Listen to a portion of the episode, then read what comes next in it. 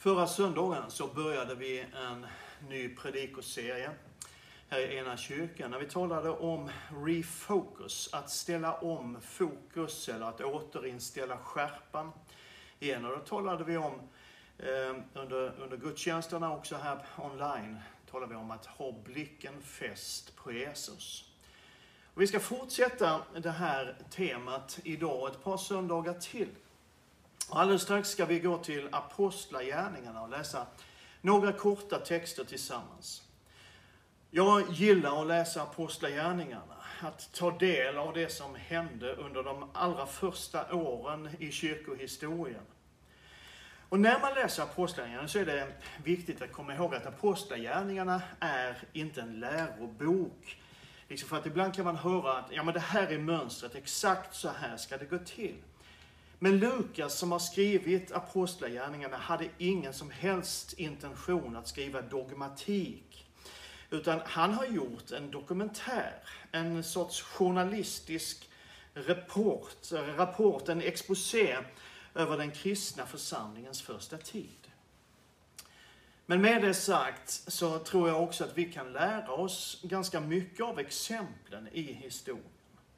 Och det finns mycket i Apostlagärningarna som vi kan ta med oss in i vår tid och in i våra sammanhang och in i den situation som vi lever i. Apostlagärningarnas andra kapitel, vers 40 och 41 känner många igen. Det står om Petrus att med många andra ord vittnade han och vädjade till dem. Låt er frälsas från detta här bortvända släktet. De som tog emot hans ord döptes och antalet lärjungar ökade den dagen med omkring 3000. Och sen går lite grann längre fram i det fjärde kapitlet så står det så här i den 33 versen. Med stor kraft bar apostlarna fram vittnesbördet om Herren Jesu uppståndelse och stor nåd var över dem alla. Och ytterligare en liten bit längre fram, det femte kapitlet från den tolfte versen. Genom apostlarnas händer skedde många tecken och under bland folket. Och de var alla tillsammans i Salomos pelarhall. Ingen av de andra vågade ansluta sig till dem, men folket talade väl om dem. Och ännu fler kom till tro på Herren, stora skaror av både män och kvinnor. Det är spännande att läsa om apostlarna. Lärjungarna som Jesus tränade under tre års tid. Han levde med dem, han talade med dem, han undervisade dem, han visade dem och han sände ut dem. Och ibland har jag funderat på, vilka var de där egentligen? För det finns ju en viss glorifiering av personerna i Bibeln, inte minst apostlarna. Och i en del sammanhang så talar man ju om Sankt Petrus och Sankt Johannes och Sankt Lukas och så vidare och Sankt Paulus. Och det blir någonstans de här helgonen en sorts ouppnåeliga ideal, kristna superhjältar. Men när jag läser evangelierna och apostlagärningarna så upptäcker jag att skildringen av dem har en poäng som vi kanske inte alltid tänker på. När Bibelns författare målar bilden av Jesu närmsta vänner, de som blev apostlarna, så är det naket och ärligt och utan försköningar. Det är som det har varit väldigt viktigt att visa att de människor som Gud använder, de människor som apostlagärningarna handlar om, var helt vanliga, enkla, normala, ordinära människor. Och när man läser evangelierna och apostlagärningarna utan de här glorifierande glasögonen så upptäcker man ganska lätt att de här människorna, de bråkade ibland. De tvivlade ganska ofta. De missförstod ofta vad Jesus sa. De lyckades ibland och misslyckades ibland. De var ofta upptagna med helt fel saker. Och en del av dem hade nog lite väl stora egon. Det var alldeles vanliga människor. Deras överlåtelse var varken starkare eller svagare än din och min överlåtelse. Deras tro var nog varken större eller mindre än din och min tro. Och deras personliga andaktsliv var antagligen varken bättre eller sämre än ditt och mitt personliga andaktsliv. Deras bibelläsning var troligtvis varken mer eller mindre frekvent än din och min. Och deras karaktär var nog inte varken bättre eller sämre än din och min karaktär. Och deras utbildningsnivå var faktiskt antagligen lägre än din och min. Det var enkla, olärda män och folket. Och ibland inser man att deras teologiska förståelse och insikt var lite sådär. De var helt vanliga, enkla, ordinära människor. Men Gud tog det ordinära och gjorde något extraordinärt. För då och då, ganska ofta och oftare och oftare, så tillät dessa enkla vanliga människor den helige Ande att ta över kontrollen, att verka genom dem och att leda dem. Och den helige Ande ledde dem in i situationer, in i sammanhang, kopplade ihop dem med längtande och behövande människor. Och resultatet blev fantastiskt. Människor kom till tro på Jesus. Och det faktum att Gud tog det ordinära och gjorde något extraordinärt i dem och genom dem skapar tro. För när jag ser vilka de var så skapade tro för att Gud både kan och vill använda dig och mig till att föra människor till Jesus, hjälpa människor till ett förvandlat liv. Jag tror det här är så viktigt för oss för vår församling i den här tiden. Att vi mer och mer låter den helige Ande ta kontrollen i våra liv. Och att Anden får koppla samman oss med längtande, behövande människor. Och det finns två saker som jag tror är en del av hemligheten till att Gud kunde använda de här människorna. Två nycklar som visar hur det ordinära, vanliga kan åstadkomma något extraordinärt. Och det första jag upptäcker när jag studerar apostlagärningarna var att lärjungarna, apostlarna, hade ett stort fokus på uppdraget. En överlåtelse till uppdraget som Jesus hade gett dem. De visste varför de var här. Och de visste vad de var kallade och utsända till. Ibland när jag ser på mig själv så upptäcker jag att jag lever rätt mycket och för mycket med någon sorts inomvärldsligt perspektiv. Alltså där jag blir upptagen och uppfylld av mig själv. Och du kanske känner igen dig lite grann i det också. Jag får erkänna att jag alldeles för ofta är mer upptagen med mina egna behov än andras behov. Jag får vara vilja erkänna att jag ofta är mer upptagen med att se till att jag har det jag behöver än att andra har det de behöver. Och det finns dagar när jag är mer upptagen med min golfsving än med andra människors eviga väl. Och då menar jag inte, låt mig säga det, jag menar inte att man inte får ta hand om sig själv och sina närmaste, eller att det är fel att koppla av. Det är inte det jag säger. Men ibland när jag ser på mig själv så upptäcker jag att det är en alltför stor del av hur jag tänker och hur jag är och vad som upptar mitt sinne och min tid som handlar om mig. Och en alltför liten del som handlar om andra, om uppdraget, om varför jag finns till i den här världen. Och jag tror att vi varje dag, du och jag, vi alla, har ett val.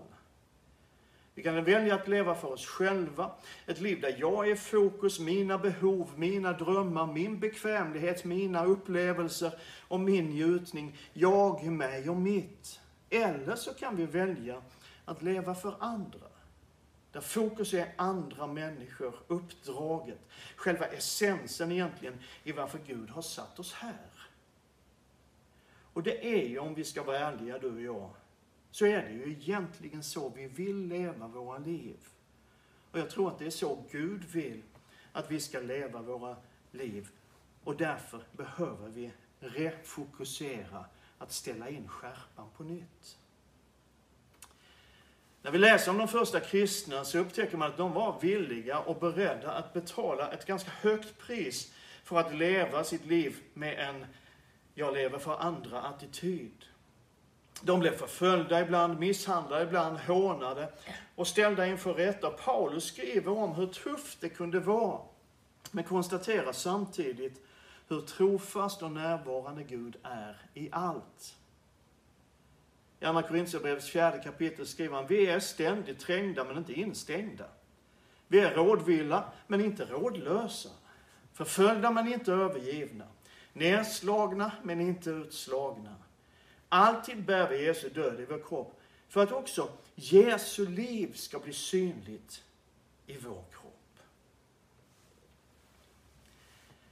Min andra punkt handlar om uppfyllelsen av Anden. För allt det som skedde när vi läser om framgångarna för apostlarna, den första församlingen, hur den spreds och växte på ett mirakulöst sätt. Allt det skedde, vet vi och förstår vi, genom den heliga Andes kraft.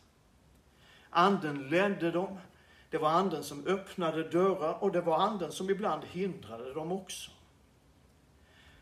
Det som drev dem, det som gjorde det ordinära till något extraordinärt var kraften i den heliga Ande. Det handlar inte så mycket om att de blev smartare och skickligare eller kom på så värst många nya metoder och aktiviteter, utan de överlät sig själva och sina liv, det lilla de hade till den heliga Ande. Och ibland så kan vi fastna i diskussioner om anden och uppfyllelsen av anden och hur allting går till och hur det ska vara. Och så här. Och det finns en gammal klassisk diskussion mellan evangelikal och pentekostal teologi. Där man kan fundera över, har vi allt som anden ger i pånyttfödelsen? Eller sker andeuppfyllelsen vid ett senare tillfälle? Ett andedop, en erfarenhet utöver det som sker när anden föder oss på nytt? Och grejen är att jag tror att där kan vi ha och får vi ha olika uppfattningar. Jag vågar säga, så pingstvän jag är, att det är faktiskt inte så våldsamt viktigt hur du ser på det. Det som är väsentligt och väsentligare, det är insikten om att uppfyllelsen av anden inte är en engångsupplevelse, utan någonting ständigt pågående och återkommande. I Johannes evangeliet 20 kapitel, en text som vi har stannat inför vid flera tillfällen under de senaste månaderna, så står det så här. På kvällen samma dag, den första veckodagen, var lärjungarna samlade bakom låsta dörrar av rädsla för judarna. Då kom Jesus och stod mitt ibland dem och sa, frid vare med er. När han hade sagt detta visade han dem sina händer och sin sida, och lärjungarna blev glada när de såg Herren. Jesus sa än en gång till dem, frid vare med er, som Fadern har sänt mig, sänder jag er. Sedan han sagt detta andades han på dem och sa, ta emot den helige Ande. Det här är före pingstdagen. Och i Apostlagärningarnas andra kapitel så finns den här texten om det som händer på pingstdagen, där vi menar att då kom Anden. När pingstdagen kom var de alla samlade. Då hördes plötsligt från himlen ett dån, som när en våldsam storm drar fram, och det fyllde hela huset där de satt. Tungor som av eld visade sig för dem och fördelade sig och satte sig på var och en av dem. Alla uppfylldes av helig ande och började tala främmande språk allt eftersom anden ingav dem att tala. Och vi kan flytta fram en bit till det fjärde kapitlet i Apostlagärningarna. Så står det så här, att när de hade bett skakades platsen där de var samlade och de uppfylldes alla av den helige Ande och förkunnade Guds ord med frimodighet. Gång på gång, samma människor blev fyllda med den helige Ande. Det sker inte bara en gång och sen är det klart, utan igen och igen kommer Anden och fyller de troende med kraft och tro och frimodighet. Paulus skriver i Efesierbrevets femte kapitel, låt er uppfyllas av anden. Och när han skriver det så skriver han till människor som redan var uppfyllda av anden. Och vi fattar, det här är någonting som Gud vill göra i våran liv, gång på gång, dag efter dag, att fylla oss med sin kraft och sin ande. Uppfyllelsen av anden är något som sker och kan ske, får ske, kanske bör ske varje dag. Paulus skriver i Galaterbrevet att om vi har liv genom anden, låt oss då också följa anden, eller vandra i anden som det stod i den gamla översättningen. Du vet, det nya livet, det kristna livet, börjar med att den helige Ande föder oss på nytt. Han föder oss som var döda genom våra synder till liv genom Jesus Kristus. Och det är starten. Men det är ju inte alls så att vi sedan blir lämnade ensamma. Liksom, nu är du född på nytt genom anden, nu får du klara resten på egen hand. Nej, så här sa Jesus. Jag ska be Fadern och han ska ge er en annan hjälpare som ska vara hos er för alltid, sanningens ande. Anduppfyllelsen tror jag är tänkt att vara en daglig erfarenhet och en daglig överlåtelse. Syftet med uppfyllelsen av anden är att göra dig och mig mer lika Jesus. Eller som någon uttryckte det, den gör dig mer mänsklig i betydelsen mer lik Jesus. Uppfyllelsen av den heliga Ande gör oss inte konstiga, den gör oss lika Jesus Kristus. I vissa tider så har fokus i karismatiska församlingar och sammanhang kanske mer legat på upplevelser än vad Anden egentligen gör och vill göra i våra liv. Och det finns upplevelser att göra med den helige Ande och i den helige Andes kraft. Men det är inte det som är grejen, det är inte det som är poängen, utan det är det verk som Anden gör i oss och genom oss. I Galaterbrevets femte kapitel så talar Paulus om vad det är Anden vill åstadkomma i ditt och mitt liv. Han skriver att Andens frukt däremot är kärlek och glädje och frid, tålamod, vänlighet, godhet, trohet, mildhet, självbehärskning. Sånt är inte lagen emot. Alltså Andens verk i oss, den frukt som Anden producerar i våra liv, driver bort ur våra hjärtan, ut ur våra liv, det som den här världen redan har mer än nog av. Och det som den här världen redan har mer än nog av kallar Bibeln för köttets gärningar eller köttets frukt. Paulus skriver köttets gärningar är uppenbara.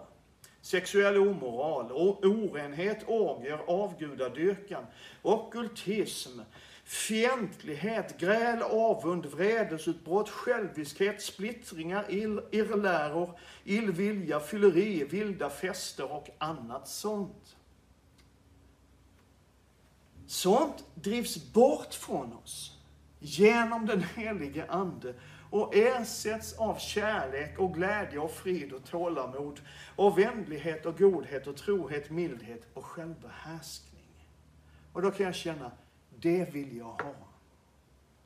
Så att när människor möter oss så är det det hjärtat, den andan, den atmosfären, den attityden som de möter.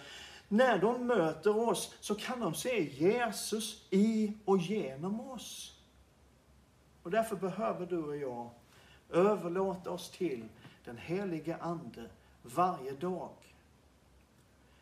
Vi behöver be om att vi blir så fyllda av Andens kraft så att vi kan älska människor ända fram till Jesus.